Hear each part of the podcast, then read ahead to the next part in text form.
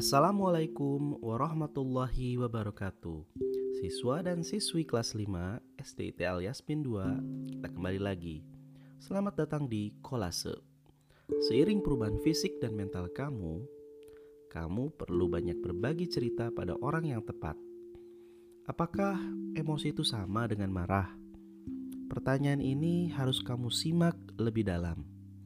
Emosi merupakan ekspresi atau ungkapan seseorang dalam merespon sesuatu.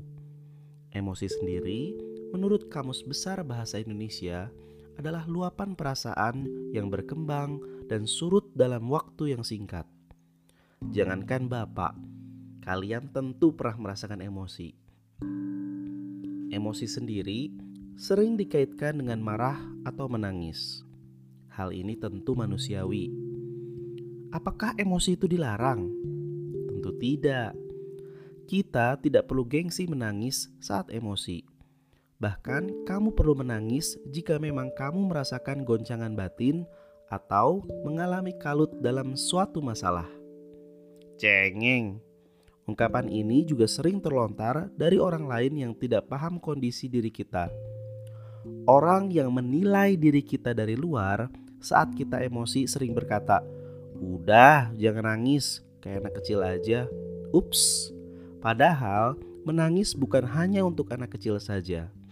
Menangislah jika kamu memang perlu menangis, karena sesungguhnya tidak ada Superman di dunia ini. Sebagian dari sikap emosi ini mungkin bisa jadi terapi untuk kita. Bahkan tak jarang tentu kita pernah melihat orang lain meneteskan air mata saat sedang berdoa ini juga merupakan ekspresi dari emosi. Emosi yang brutal bisa menyebabkan sebagian orang berkata kasar dan juga berperilaku negatif.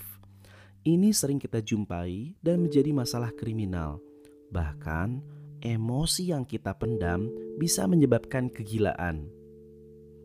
Kita harus sadar dan memahami logika bahwa emosi itu tidak selalu marah, tapi emosi juga bisa reaksi kegembiraan, kesedihan, keharuan, dan kecintaan.